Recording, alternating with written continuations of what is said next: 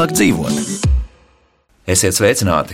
Šī ir Latvijas valsts svētku rīta daļa. Lorita Bērziņa raidījuma producente Daina Jaņkalni un Elvis Jansons. šeit studijā. Mīlēt savu zemi var dažādi. Vieniem tā ir karoga lentīte pie krūts, citiem tā ir godīga nodokļu nomaksa valsts kasē. Bet uh, Latvijas apceļošana, tāda, kas nebeidz tikai ar Rundālu spīlī un, piemēram, Ventas rumbu, tā droši vien atļauj mums un māca mums Latviju mīlēt ar sirdi. Un šodien mums ir studijā četri cilvēki, kas uh, savu Latvijas mīlestību ir vairojuši tieši viņu ceļojumi pa tādām vietām, kas nav tradicionāls. Mūsu ceļotāji ir pieturējušies vienai noteiktai līnijai, un tā līnija ir Latvijas robeža.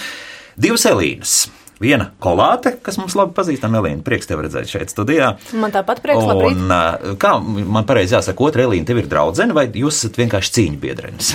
Es domāju, gan tas, gan tas. Gan tas- Elīna Kursīta. Jā, Labrīt, pirms nedēļas, Labrīt. labrīt, pirms nedēļas Elīnas prezentēja dokumentālu grāmatu Latvijas pierobežas pēdējie mohikāņi. Man pretī diagonāli sēž Kristīna Čērve. Projekta nosaukums ir 1836. Kāpēc tieši tie četri cipari mēs noteikti vēl pavaicāsim. Bet eh, pieteiksim arī Andi Pikānu, kas ir On the Way of Freedom moto ceļotājs un ir pieslējies eh, Kristīnas projektam.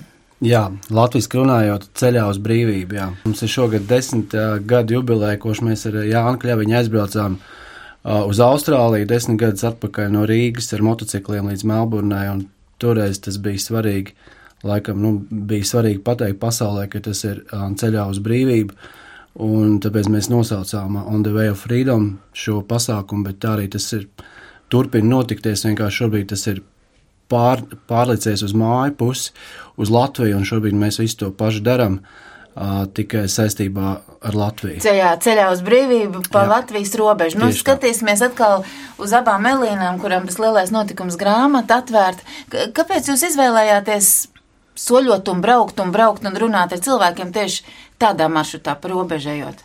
Nebija tur būts. Šitā, nekad tikai pa gaisu bijāt šķērsojušas Latvijas robežu. Arī varu izstāstīt, kā bija īstenībā. Paldies! īstenībā bija tā, ka mēs gribējām iesniegt eh, kultūra kapitāla fondā projektu. Un tā ideja bija vienkārši braukt uz Latvijas mazajiem ciemiem. Bet tad mēs sapratām, ka tā ir ļoti plaša ideja un vajadzēja kaut kādu formātu. Un tad šis formāts bija šī robeža.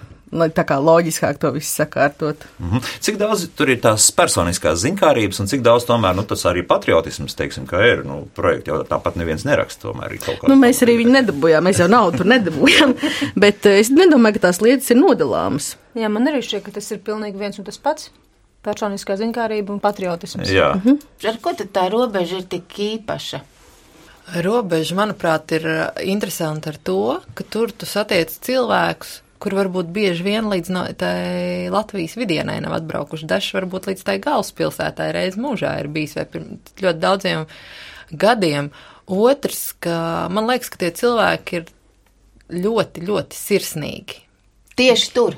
Eh, Tieši tur, tieši pierobežā, varbūt tāpēc, ka viņiem nav šī ļoti lielā steiga ikdienas rutīna, kā mēs dzīvojot šeit galvaspilsētā vai pilsētās, jo pierobežā tomēr ir ā, mazi, mazi ciematiņi, mazas ā, vietas, kur mēs viesojamies, reizēm ir viensētas. Un kas man ļoti patīk pēc šīs vasaras, kad es esmu nogājusi ar gājējiem kopā vairāk kā 600 km, tad vienu trešdaļu jau mēs šī ceļa esam veikuši.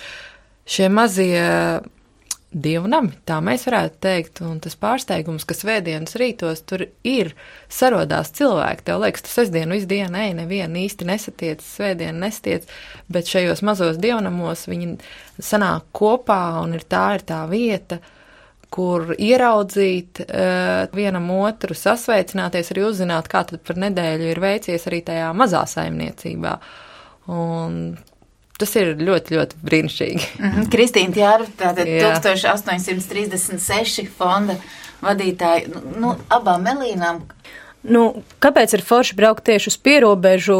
Tas ir ā, ļoti labs veids, kā pēc iespējas īsākā laikā, pēc iespējas efektīvāk uzzināt vairāk par Latviju. Jo tur mēs ā, atrodam visus tos ekstrēmus. Tur ir viskrieviskākā vide, tur ir ā, vislietuviskākā vide, ā, tur ir vismežainākā un tur ir visjūrnieciskākā vide. Paklau Viss kopā. vislatviskākā vide nekur nav. Pierobežā. Ā, Latviskākā vide sanāk tad, kad to visu sajauc kopā.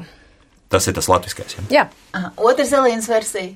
Man liekas, ka mēs ar otru Elīnu vairākas reizes esam uzsvēruši, ka ir jāsaprot, ka Latvijas eh, robeža ir nevis stabi, kas tur stāv, bet cilvēki. Un eh, ir ļoti labi zināt savu robežu, savu, savas valsts robežu, un šie cilvēki arī ir tad tā robeža. Nu. Bet uh, tomēr grāmata sauc Latvijas pierobežas pēdējie mohikāņi. Izklausās skarbi, atcerēsimies, bija pēdējais mohikāns. Jā, jā. nu, Vai tiešām tā ir? Tātad tas- mēs apzināti braucam uz ciematiem, kur ir palikuši nu, mazāk par desmit cilvēkiem, lielākoties viens vai divi, kur mēs bijām. Un eh, vai tas ir skarbi? Nu, jā, tas ir skarbi, bet tas nav bēdīgi. Vai tur ir, arī jauni cilvēki? Jā, tur ir arī jauni cilvēki un ģimenes. Un mums par lielu prieku arī uz grāmatas atklāšanu bija braukus ģimene no Baltiņas novada. Nu, tad tā jau ir tā labā ziņa, lai viņi ir Protams. desmit, bet Jā. viņi tur turpinās Jā. būt. Un ir ļoti interesants ciemats eh, žļābji. eh, Netālu no aknīstes, kur, piemēram, trīs mājas ir bijušas apmēram 200 gadus. Nu, nav vairāk un nav mazāk. Visu laiku ciemats ir turējies konkrētā izmērā. Vai, piemēr, piemēram, bija ciemats Klementīna, uz kur mēs braucām ar ziņām, ka tur ir viens iedzīvotājs, un mēs aizbraucām, bija jau desmit. Nu, tā. gada Kaut laikā, gada Gada laikā bija uzradušies. Bet jūs izpētījāt, kas, kas bija tas magnēts, kas tos deviņus tur ievilka? Mēs bijām pie trījiem no šiem iedzīvotājiem. Mēs nevien, nav, ja desmit iedzīvotāji, mēs nebraucam pie visiem, bet eh, viena bija nu pat pārvakušies un īrēja māju Klementīnē. Pa 15 eiro mēnesī. Jā. Oh. Lēti. Nu, kā kuram, ja cilvēkam ir e, pensijā 80 eiro mēnesī, tad baigi lēti tas nav, bet, nu, ja mēs no tāda rīdznieka perspektīvām skatāmies, tad jā, tas ir ļoti lēti. Un, e, nu jā, nu, Klementīna vispār ir burvīga vieta, kāpēc lai tur nedzīvot? Un viņa motivācija pārvākties uz turieni šo cilvēku. Kāpēc ne? Vieta ir vieta. Nevienmēr darbs ir svarīgākais cilvēkam e, mājas vietas izvēlē. Un sajūta. Ja? Tas vispār ir interesanti, un es labprāt gribētu, lai pārējie Ants divi mūsu viesi iesaistās. Kāpēc cilvēki izvēlās tādu nomaļu vietu, vēl būtu skaidrs, bet ļoti bieži neizvēlas, tāpēc, ka, nu, nav darba, kaut kā jāpelna nauda. Ka, kas, Ceļi ir kādi ir. kas ir tās ases, no ap kur tā dzīve griežas, izņemot, ka viņam patīk tur būt, nu, skaidrs. Anda ar, ar enduro motociklu var aizbraukt visur, bet tomēr. Tas uzdevums ir izveidot um, tad šo taku līdz 2018. gadam, šo maršrutu apkārt Latvijai 1836 km garumā. Un, uh, tas, ir, tas ir veids, kā mēs varam uzdāvināt dāvanu Latvijai. Un, uh, droši vien, ka šobrīd ziniet, ka ir, ir uh, populāri staigāt pa Santiago ceļu, un ir daudz uh, citi arī ceļi, tādi staigājumi ar daudziem kilometriem. Cilvēki brauc projām, lai pabūtu, teiksim, sajust to meditatīvo sajūtu tieši staigājot. To var sajust, vai braucot ar laivu līdzīgi vai kā savādāk. Un tā doma ir, kāpēc to pašu neizveidot šeit mūsu mājās, mūsu Latvijā, ja mums ir tik lielisks iespējas. Un ā, vislabāk, kā to izdarīt, tas ir pieturiet, pieturoties tieši pie šīs robežas, kas mums ir unikāla, kur mēs varam tik daudz kultūras dažādas redzēt ā, un, un izjust un to sajust visu. Bet, ja mēs runājam tādu misijas sajūtu, tādu apziņu, nu, kas ir šobrīd, kas jā, jāņem vērā, izējot no mūsu ģeopolitiskās situācijas šobrīd, kas ir tomēr uzdod jautājumus, un mēs nevaram uzlikt tās klapas ā, virsū uz acīm, tad, protams, ka tā ir austrumu robeža.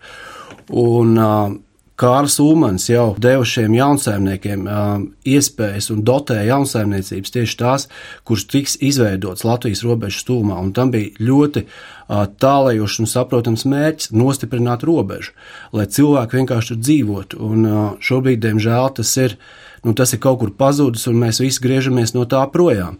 Es uzskatu, ka tas ir nepareizi, un to vajag censties atgriezt atpakaļ šo visu. Un te arī mēs redzam, un te mums tā misija arī ir parādīt tos pēdējos mohikāņus, kā meitenes ir nosaukušas, vai tos cilvēkus, kuri ar vienu tur dzīvo. Viņi ir palikuši pavisam mazi, bet viņi tur dzīvo. Un mums ir jārāda ne tikai kultūra vēstures objekti, bet mums ir jārāda šie pozitīvie stāsti. Ko cilvēki tur dara? Tie, kas tur dzīvo un tie, kas nav pensionāri. Tas desmit cilvēku ciematos. Ko pamanījāt? Man ļoti patika atkal minētā Latgala vai tā pati austrumu robeža, un mēs vairākas reizes šo, šogad atgriezāmies upītēs, caurējot vai uzejot un kā. Un tur ir ļoti liela dzimta, slišāna dzimta, un viņi ir, atgrie, viņi ir Rīgā izmācījušies, ir pedagogi, un viņi ir atgriezušies, un vietējā sabiedrībā veicina gan šīs kultūras vērtības, viņi aicina teātri no Rīgas, viņi paši muzicē, viņi paši rūpējas ļoti, lai mazajā skoliņā būtu bērni, paši strādā skoliņās, ir veidojuši parku, aktīvi iesaistās. Viņi, protams, eh, tas, ka reģionos viņi pazīst arī robežsargus, viņi zina, kāda ir situācija, viņi arī, kā Ants teica, lai nostiprinātu šo robežu, bet tajā pašā laikā viņi arī, es domāju, palīdz rūpēties, jo, ja ir kādas lietas aizdomīgas, ko pamana, viņi sazinās, protams, ar robežu sargiem, bet tā ir gan lauksaimniecība, gan arī uh, es teiktu, vietējo tradīciju kopšana ļoti izteikti. Kristīna, viena ir sabiedriskā dzīve, bet tomēr darbs. Darbs ir gan lauksaimniecība, gan arī, es saku, vietējās kultūrās dzīves. Tas ir arī tie paši kultūras nami, skoliņas.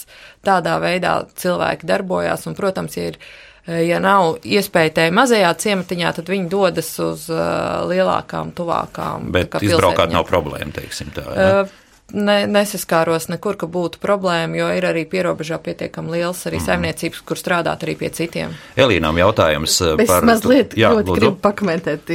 Nevienmēr cilvēki brauc no mazajiem miestiem uz jā. lielajiem miestiem. Mums bija burvīgs piemērs eh, vieta Belamoje, kur dāma katru dienu no Zilupes brauc uz Belamoju strādāt. Un piemēru. ko viņa tur dara? Viņa ir liels aitu saimniece. À, viņa ar motorolleri brauc. Andis ieskicēja vienu būtisku lietu. Jā. Viņš pieminēja Kārlu Ulmanu un robežas nostiprināšanu ar cilvēkiem. Kā jūs jūtat to arī informatīvo telpu, kur cilvēki dzīvo un ko viņi zina par Latviju, un vai viņi neuzskata gadījumā, ka viņa prezidents ir varbūt ar cits prezidents? Jā, pavisam. Pirms Elīna noteikti ļoti labi par šo izstāstīs, es pakomentēšu, ka bieži tiešām gadās tā, ka veci cilvēki saprot latviešu, tāpēc viņi Ulman laikā ir gājuši skolā, kur ir latviešu valodā bijis jāmācās. Un tie, kas mūsu laikos skolā, tie vairs nē, jā? Nu, viņi ļoti bieži saprot, bet viņi nerunā. kas mums ar Elīnu bija liels izaicinājums, jo mēs nerunājam krieviski. Tur bija ļoti interesanti saprašanās, bet Elīna varbūt ļoti labi izstāstīs par prezidentiem. Jā. Nu, prezidenti kā kuram? Vienam ir Putins, stalts, skaists, spēcīgs jauneklis, citiem ir vējonis, smuki saķemmējies tāda parasti bija tā recenzija par viņu. Uh, Arī nav slikti. Kāpēc tas tā ir tā? Ne, ļoti vienkārši. Ja cilvēkam jāmaksā par dekoderi, lai skatītos latviešu televīziju, savukārt krievu televīziju, viņš var dabūt par brīvu, un ja tie ienākumi ir kādi ir, nu, tad tas dekoderis noteikti nebūs prioritāte nekādā gadījumā. Uh, Un, bet nav tā, ka nav pieprasījumi pēc neputiniskas informācijas, jo lielākoties, tā, kad mēs iegājām šajās mājās, mēs dzirdējām, ka tur skanēja Latvijas rādio ceturtais kanāls, tad, nu, Latvijas rādio krievu valodas. Jā. Kanāls. Tā kā vispār jau tāds pieprasījums pēc šādas informācijas būtu, bet nu, finansiālu iemeslu dēļ viņi to nevar atļauties. -hmm. Bet eh, kā, kāda bija jums sajūta par tiem pierobežniekiem un varbūt arī pašām par sevi, nu, gar to robežu braukājot un runājot ar cilvēkiem? Viņi tā dzīvo, nu, arī tīri saimnieciski vai domās ar vienu kāju vienā pusē, ar otru kāju Latvijā? Vai piedarība Latvijai tomēr ir lielāka, līdz ar to, ka arī visa ekonomiskā dzīve tomēr rit šajā robežas pusē? Nē, nē, nē piedarība Latvijai noteikti ir. Tā ir ļoti liela un, un to varbūt kaut kā grūti saprast, bet ir apmēram tā, ka viņi ir Latvijas patrioti, bet Putins ir baigi foršais. Nu, nu, ar kaimiņiem pa draugam, jā, apmēram tā. jā. Es vēl gribēju komentēt, ka tik tiešām mēs nevaram runāt par pierobežu kā tādu, es nezinu, vai tu var tā teikt, kā kopīgu veselumu, jo pierobeža Lietuvā ārkārtīgi atšķirās no pierobežas Baltkrievijā vai Krievijā vai Igaunijā. Jo, piemēram, eh, ļoti bieži cilvēki tātad Baltkrievijas vai Krievijas pierobežā, kad viņiem jautā tautību, viņi nesaka, mēs jautājam, kad jūs esat pēc tautības, un viņš saka, ka viņš ir katols vai viņš ir pareisticīgais. Līdz ar to tas tautības jautājums es neteiktu, ka viņiem pašiem ir ārkārtīgi svarīgs. Tā tad tieši tā kā Elīna teica, jā, es ļoti mīlu šo valsti, bet pastieties, cik Putins smuki te ir šovakar runāms pa televīziju. Andi, bet uh, ko, ko, ko jūs vispār redzat, braucot ar to mociju, vēju, vēju pilna mute, un tad jūs apstājaties, ka jūs ieraugot kādu cilvēku vai Kā, kā tā komunikācija? Vai robežsargi apstādina jūs? Mēs stājamies tiešām bieži, jo mums ir, kā jau es teicu, ka ir arī misija atstāt un dokumentēt to visu, un lai sakarīgi to izdarītu, tad uh, ik pa brīdim nākās uh, ieraudzīt kādu lielisku skatu, kādu dabas skatu, kādu ceļa malu, kādu sētas stūri. Un arī satikt kādu cilvēku un uzdot viņam jautājumus. Dažreiz jau arī nu, cilvēki arī baidās nedaudz no tām kamerām, un tad paiet kaut kāds brīdis, dažreiz tā ir stunda, bet dažreiz tā ir diena, pirms viņš eh, atverās pie tās kameras un pirms viņš sāk stāstīt. Un tas tiešām, bet tas mums patīk, un mēs to darām un ar lielāko prieku, un es uh, dokumentēju to visu. Tas ir tā neatņemama sastāvdaļa. Bieži motocikli stāties uh, mūsu šajā gadījumā, šajā situācijā, bet mēs tiešām saķeram no tā arī prieku. Bet, protams, ir tās retās reizes, kad mēs braucam frīrēdā uh, ātri pa tiem ceļiem, pa tām takām, pa tiem mežiem, un tā ir tā foršā sajūta. Frīrēds būtu tad, kad nefilmē? Jā, ka nefilmē, bet arī šobrīd jau tās tehnoloģijas ir tā pagājušas uz priekšu. Mēs izmantojam to pašu GoPro tehniku un visu savādāko tehnika, kas no dažādiem rakursiem parāda to, cik mūsu Latvija ir skaista. Mūsu pašu raidījumā, kā labāk dzīvot, viens no viesiem savulaik teica, redz, cik labi ir aizbraukt uz to pašu latgali, tur ir tā tukšs, un, un patiesībā, ja tu esi tāds vientulības baudītājs, tad uz nedēļu, varbūt pat mazāk dienām, tu vienkārši aizbrauc un baudi skaistu dabu. Vai tiešām tā tas tālāk arī būs, kad tur mēs brauksim tā kā uz tādu safāriju, paskatīties, mm, kā Man ir neskatā daba? Jūs pats pārāk maz, un cilvēks, kas ir šo teicis, ir pārāk maz braucis uz Latgali. Uh, akurāt negribētu piekrist un uh, teiktu, ka kaut kur Lietuvas pierobežā, es nezinu, tur, kur uh, kaut vai tā kā Ruceva un, un tur blakus, tur ir Man, man bija sajūta, ka tur ir tukšāks kā Latvijā. Tas nozīmē, ka mēs varam braukt jebkur uz pierobežu, ja mēs negribam redzēt cilvēkus. ne, nu, Latvijā vispār ir nenormāli forša šī lieta, ka ir milzīga izvēles brīvība. Ir viegli un ātri atrodams vietas, kurās nav cilvēku, un tikpat ātri ir atrodams vietas, kur ir ļoti aktīva kultūras dzīve, un kur tas cilvēks var satikt, eh, tad, kad eh, ir eh, apnicis sēdēt mājās. Mēs visi runājam par to Latvijas pierobežu, un Ants jau minēja, ka tas 1836 tiek veidota dāvana Latvijai simtgadē, kā iezīmēt ceļu mēs gribētu, un pašlaik notiek tie izpētes gājieni, jeb ekspedīcijas, mēs varētu teikt, lai arī mēs runājam ar vietējiem iedzīvotājiem un uh, kādām bijušajām skolām, jo ir daudz slēgtu internātu skolu, uh, lai varētu arī izveidot šīs nakteņu tīklu, lai cilvēkiem būtu kur palikt, lai tas, kurš gribētu viens pats doties ar to mugursomu vai ar kādu draugu uz to nedēļu vai divām, uh, lai viņš par saprātīgu naudu arī varētu palikt. Jo kur ir problēma? Uh, ja mēs runājam par pieminēto Santiago ceļu Spānijā, kur iet jau gadsimtiem cilvēki, tur tu vari aizbraukt ar daudz mazākiem līdzekļiem dienā iztikt līdz pat 15 eiro 20. Latvijā mūsu problēma ir uh, ka ir pirmkārt grūti atrast šo naktsmītni, kur palikt pierobežā, otrs, ka tas ir liels izmaksas, ka reizēm tas var dienā būt kaut kādi 40 un 50 eiro. Uh, Tad lauku turismam jārada vēl viena alternatīva lētāka. Ja? Un tad ir jautājums, varbūt, ka tad reizēm ir lētāk aizbraukt uz Spāniju un padzīvot nedēļu, iet šajā ceļā, jo tev nav, bet otra iespēja ir, tev ir iespēja nest līdz mugursu uh, to, nevis mugursu telti. Jā.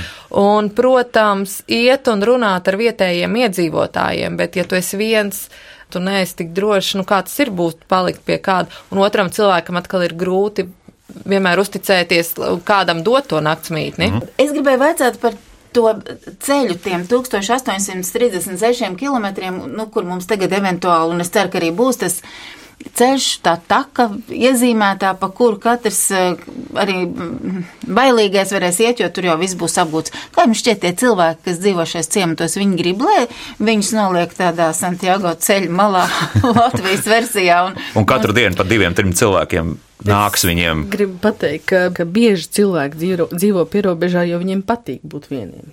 Nav tā, ka visi akurāt. Uh, grib sabiedrību un grib kultūru. Apzināti izvēles, jā, jā šo tā ceļu. ir apzināti izvēle ļoti bieži. Un eh, vai viņi gribētu, ka gar viņu mājām iet nosacītais Latvijas Santiago pierobežas ceļš, es varu no mums satiktiem cilvēkiem, nu, kādus piecus uzreiz iedomāties, kas jau uzceļ sētu augstāku augšā un negrib to. Pārvācās uz vidieni. No, vai, vai tiešām esat runājuši arī ar pašvaldībām, ko viņi saka par Pašvaldības to? Pašvaldības priecājas, tāpēc, ka mēs atvedam cilvēkus, mēs arī veicinām tomēr to vietējo turismu turismu, jo mēs visi daudz esam centušies pēc tām tālajām zemēm, pēc tās skaistajām zemēm, bet, nu, tiešām, kā mēs uh, sakam imants ziedoņu vārdiem, Latvija ir brīnums skaista zem, un skaistam ir jāpalīdz parī, palī, parādīties.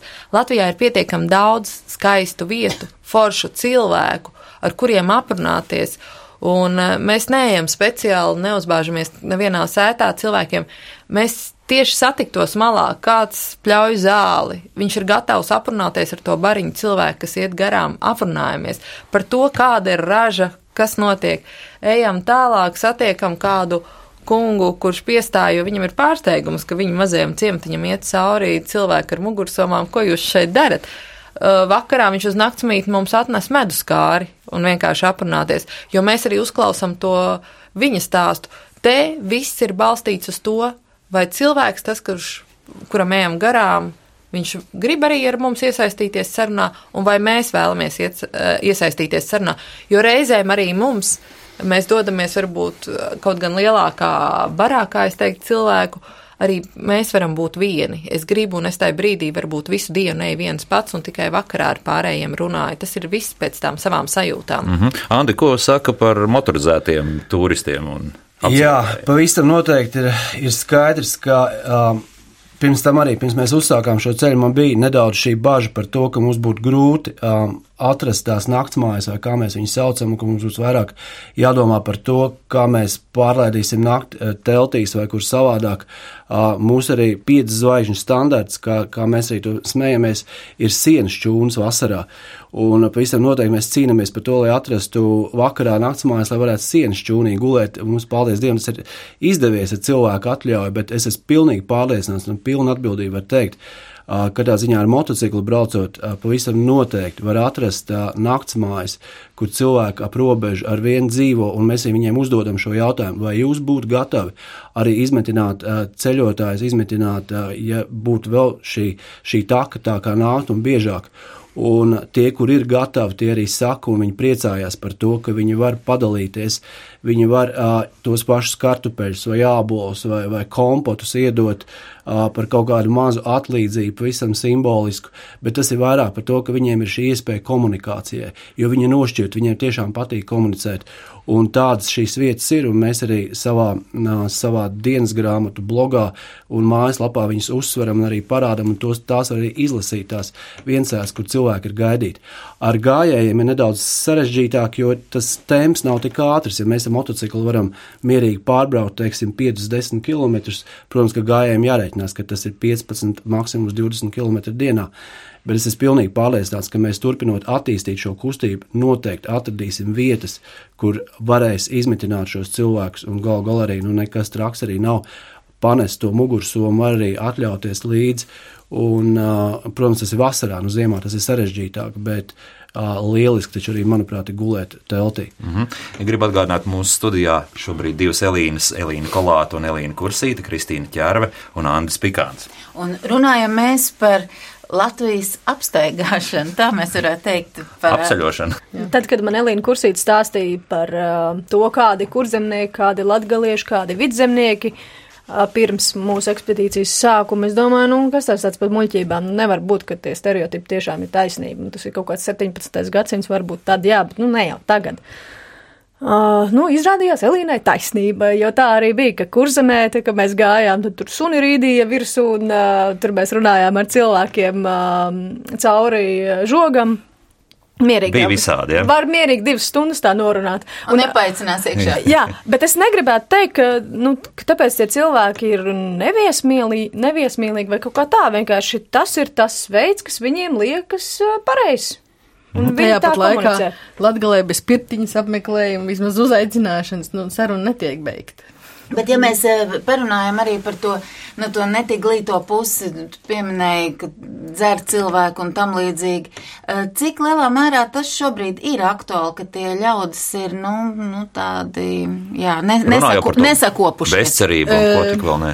Laikam, nepareizi, laikam nepareizi pateikt, ko es gribēju teikt, skaidrs, ka mēs satikām arī, nu, dzēruši cilvēks, tiesa nedaudz. nedaudz kas arī mūs pārsteidz, jo mēs bijām gatavojušies tādam bišķiņ dramatiskākam skatam, vēl dramatiskākam, bet nebija. Un tas, kas man pārsteidza, ka cilvēki pierobežā, īpaši sievietes, lai gan arī vīrieši, ļoti pucējās, jo es vienkārši iedomājos, ja iedzīvot viena pierobežā, nu droši vien.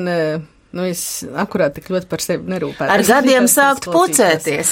Varbūt, vienmēr sakot, sievietes zelta auskariem, svaigi krāsotiem matiem, ziedi uz galda ir vienmēr. Uh, kleitas, jā. kādas Un kleitas. tas pie jūs jā. negaidīts vizītes. Protams, jā, neviens nezināja, ka mēs būsim. Un viņas tā ikdienā vienkārši tā, viņas tur dzīvo mājās un uh, ļoti patīkam kaut ko tādu redzēt. Protams, tur savu lomu spēlē arī tas, ka viņas laiku pa laikam apciemo robežu sargi. Ah, tad viņas vienmēr ir gatavas robežsarga apmeklējumam, jo vienkārši tāda nemierīga dzīve pie mm -hmm. robežas. Gaidīja robežu sargus, atnācām mēs. Nu, Jā, arī labi. Jūs uh, visi četri, cik daudz jums vispār bija darīšana ar šiem te robežu sargātājiem, varas pārstāvjiem? Mūsu ceļā 1836 gāja ceļā, mēs robežsargus arī bijām jau brīdinājuši, un mēs ļoti labi zinām, ka nedrīkst iet robežai tā kā tuvāk par tiem diviem kilometriem. Un mums katram arī bija līdzi gan šie personu apliecinošie dokumenti, gan šīs ceļotāja īpašās pasītes, ko mēs esam izveidojuši. Un viņi tais dienās brauca garām, skatījās, bet mēs gājām kā organizēti grupā, mums visiem mugursoms un skaidrs, ka mēs nebijām tas vientuļais klejotājs. Pēc vietamiešiem jūs arī neizskatījāties. Jā, bet, uh, diemžēl, mēs dzirdējām latgalē stāstus, ka ir šādi gadījumi arī ar vietnamiešiem, bet vēl pieminot, ka mēs bijām pie vienas ģimenes Baltinovas novadā, gandrīz pie pašas robežas, ka saimniece mūs satiekot uh, centrā, upītis, viņa piezvanīja robežas sargiem un teica, pie manis būs viesi tūliņās, nu, stundas laikā, un tad mēs devāmies.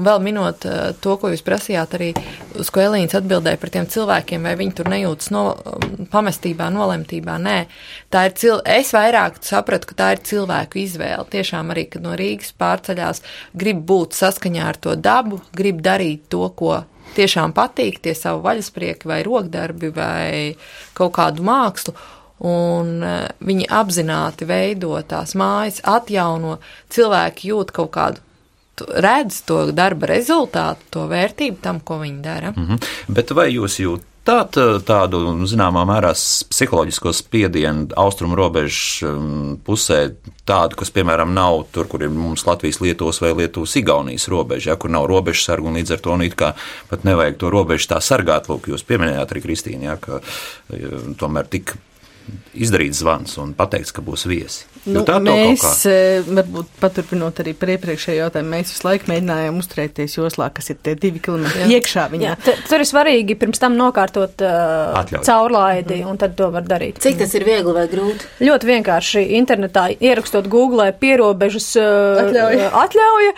iz, izliks pareizā mājaslapa, jāizpilda anketa, trīs dienu laikā viņa varētu būt apstiprināta.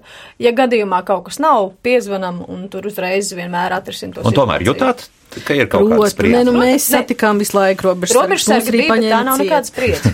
nu, tad, kad beidzās padomi laika, parādījās šīs robežas, un ka viņi vairs nevarēja šurp turp staigāt, un tad tur kaut kādi dokumenti jāņem līdzi, un tad tur suns izkompestrē pasi.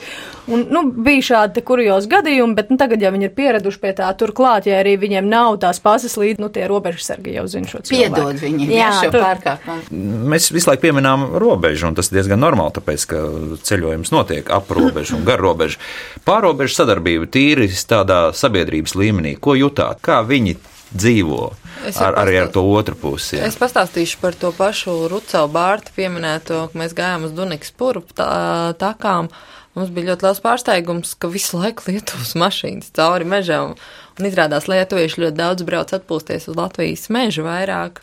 Un savukārt Latvijas pierobežas iedzīvotāji brauc uz Lietuvas pusi iepirkties, jo tuvākie benzīna tanki ir problēmas un tuvākie veikali izrādās, ka Lietuvas robežas šķērsojiet ir daudz tuvāk vietējos ciematiņos, kas man bija tāds, nu, neizpratne, jo mums arī degviela tik vienai mašīnai pavadošajai gāja uz beigām, mēs dabījām braukt Lietuvā pakaļ, un mums pateica, nu, bez mazai uz Liepā ir jābrauc. Tā lai robeža tur ir pazudusi tikpat kā, jā. Un es biju pārsteigta, jā, ka tur nekas, tu nemani izbraucot cauri mežam, ka tu esi nokļūst Lietuvā. Tā kā šajās, kā mēs sakam, ar Lietuvu un Igauniju tās robežas ir tikai tīri formāli, tā mēs varētu teikt, jo, protams, Krievijai mēs ļoti sekojām, lai mēs tur neesam par tuvu un viss. Tā pašā laikā, tad, kad mēs gājām augšā ā, pie Igaunijas robežas, ā, mēs vakarā no ķoņa dzirnavām aizbraucām speciāli uz tuvāko Igaunijas ciematiņu, nobildējāmies pie šī baltā akmens, jo, nu, tiešām mēs taču varam iebraukt Igaunijā, un ik pa brīdim kāds no mūsu gājējiem arī bija pāršķērsojis aizgājis Igaunijas pusē. Nelegāls čērsojas robeža. Nelegāli tas jau neskaitās, jo mums visiem ir līdz dokumenti, un protams, eh, protams. Eiropas Savienības robežu mēs varam šķērsot, bet, protams, Krievijā ir maz drusciņi vairāk tā baža tūmā, kur ir Krievijas, Baltkrievijas robeža, jo bet tai pašā laikā, tad, kad mums gājiens bija viens no pirmajiem uh, zilupē, kad mūsu kolēģi gāja, uh, tad izrādās, ka Krievijas pusē, vai Baltkrievija, tur ir Baltkrievija klāt, Baltkrievijas pusē arī bija vietējie gājuši paralēli mūsējiem un vakarā pievienojušies uz koncertu, jo viņi bija uzzinājuši. Tā kā es domāju, ja tais pierobežas joslās informēt un pastāstīt, jo mums tā unikālā iespēja, ka mums ir svētdienas vakaros vietējā pašvaldībās, mēs uzorganizējam arī koncertus ar mūziķiem no Rīgas, kas atbrauc. Cik jauki. Nu, jutāt, ka kāda cukuru paka pārlido pāri robežai, es, kur lētāk un tā tālāk? Nu, manuprāt, mēs ļoti jutām to, ka lietuvieši ir iešņaukušies iekšā Latvijā. Mm. Jo pirmkārt, Nidā, piemēram, mēs iebraucām un atradām tikai vienu latvieti, bija viss pilns ar lietuviešiem. Un mēs ar šo kundzi parunājām, un viņa stāstīja, ka viņa gribētu daļu savas zemes eh, pārdot, jo, nu, veselība vairs nav tik laba, viena pat nevar apsaimniekot, un uh, par pircējiem pieskatās tikai lietuvieši. Nu, viņiem patīk jūrijā. Un arī eh, ciematā piķeļu, mēs meklējām ciemata piķeļu mūžu, un nu nevaram atrast, un satiekam vienu kungu, otru kungu, un visi atbild mums lietuviski, un ir šokā, ka, nesaprot, ka mēs nesaprotam lietuviski. Tā kā, manuprāt, un kādu starptautisko valodu tad jūs izmantojāt beigās? Lietuviski, šarmu, šarmu. šarmu, jā, tas vienmēr konvertēs. Bet es jums gribēju vaicāt, atgriežoties pie grāmatas pierobežas pēdējā mohikāņa, nu, satikāt cilvēkus, stāsti bija dažādi, pēc kādas pazīmes jūs izvēlējāties tos stāstus, ko jūs liksiet grāmatā, un, nu jā, uz ko jūs vedinājāt tos cilvēkus, uz kādiem stāstiem? Nu, jāsāk ar to, ka mēs bijām mazliet pāri 80 ciemos, un grāmatā ir 66, bet ne visiem ir klāts stāsti, jo naudas mums bija tik, cik bija, papīrs mums bija tik, cik bija. Manuprāt, ka ar stāstiem ir apmēram 50. Mēs izvēlējāmies mūsuprāt interesantākos un tos, kurus mēs sapratām, jo bieži vien bija tā, ka mēs pat varbūt runājām stundu, bet eh, pēc tam no ierakstītās intervijas ļoti maz ko varēja saprast, jo cilvēks runā kaut ko starp Baltkrievu, poļu un latgaļu valodu, un fonā arī divi vai trīs suņi, un, un tad mēs saprotam, ka vējš, un mēs saprotam, ka akurāt te nesanāks labs stāsts. Nevis tomēr. tāpēc, ka mums uh, negribētos rakstīt par to cilvēku, bet ja mēs varbūt īsti precīzi nevaram vairs saklausīt, kas tur tika runāts, vienkārši lai nesarakstītu muļķības, tad labāk uh, drošības pēc nē. Nu, kā ceļot, lai būtu maksimāli labs tas gala rezultāts? Uzvedības kodeks. Ar atļauju. nu, ar atļauju. Par robežsargiem sapratām. Bet par tiem, jā, kur sargā tikai savas mājas robežu. Es domāju, ka ir ka tas pats svarīgākais, tas, ka ir vienkārši jādodas šajā ceļā ar atvērtu sirdi un ar uh, pozitīvismu, un tad tas pārējais viss būs. Jo mēs arī praktiski tā, ka pirms mēs braucam ārā, protams, ka mums ir tie pieturas punkti, uh, kur mēs taisamies, tā, vai nu viņus atrast, vai nu tie senkapi, dižozos, vai dižpriedi, vai dižkoks, vai kaut kas interesants, uh, ko mums vajadzētu izcelt, un par ko jau vienmēr ir tie stāsti veidojās. Un tad pārējais jau, kad mēs satiekam tos cilvēkus, viņi jau, viņi jau nāk spontāni. Ja tu nāc ar atvērtām, ar atvērtu sirdi pretī, viņi jau tev nāk pretī, spēj tikai turēt to pašu kameru vai mikrofonu vai runāties ar viņiem. Ja? Un tas jau pats interesantākais, ka tu ej uz to visu, un tu neesi gatavojies, un tas viss vienkārši tev nāk pretī. Tikai, tikai vienkārši tev ir jābūt pozitīvam. Un tas ir tas, kas ir, kas ir vajadzīgs, un pārējie jau to sapratīs, un tad viss būs. Es teiktu, pareizi Anna minēja par šo atvērtību un pozitīvismu, un otrs eh, arī, ka nesteigties. Vajagi, nu, reizē mums tas dzēn tas mērķis, nu, mums ir jābūt, mums līdz vakaram jānokļūst. Ja tu esi saticis ceļā cilvēku kaut vai apsēsties kopā, aprunāties, sviestmaizi apēst, bet uh, censties tad arī uzzināt. Tas ir viss atkarīgs no tevis. Ja tu tajā dienā gribi varbūt būt ar sevi un iet klusējot, tad ej klusējot, un ja tu gribi runāt un esi atvērts, tad tu vienmēr satiksi kādu cilvēku, ar ko aprunāties. Un varbūt Nu, ja tu meklēsi, kur viņu satikt, tu ieies vietējā benzīna tankā vai vietējā veikaliņā vai tai baznīciņas tūmā vai kur tu atradīsi, kur ir kāds cilvēks, un tāpat paskaties pa labi, pa kreisi uz kādu lauku vai kur strādās. Protams, neesam ziemā gājuši, kā tas ir, bet gan jau, ka kādā mājā, kur gaisma spīd pieklauvēt un iet un aprunātos. Man tad ir jautājums, tad mēs braucam skatīties pierobežu, pierobežu cilvēkus vai visu kopā, jo no tā laikam arī ir citādākas atbildes. Ja mēs gribam satikt cilvēkus, tad mums ir jābruņojas ne tikai ar pozitīvismu, bet arī ar neatlaidību. Ja mēs gribam sk- apskatīties pašu pierobežu, tad ar labām riepām un rezerves riepām. Tā kā, nu, tur dažādas tās atbildes. Bet nu, tas jautājums bija, kā tos cilvēkus uh, atkausēt. Iekustināt. Ar neatlaidību un varbūt kašmā kaut viņa līdzi jāpaņem vai kaut Aha, kas. tas arī Ciemkukuls valoda. Jā, jā, ciemkukulu, kāpēc ne? Īpaši kursamē. Un, jā, tā noteikti ir neatlaidība, un tajā mirklī, kad mēs pārliecinām šos cilvēkus, ka tas ir nopietni, ka mēs gribam ar viņiem parunāt, un ka mums interesē, kas ir svarīgs viņu dzīvēs, tad, kad viņi notic tam, ka tas ir pa īstam, tad jau tā saruna aiziet.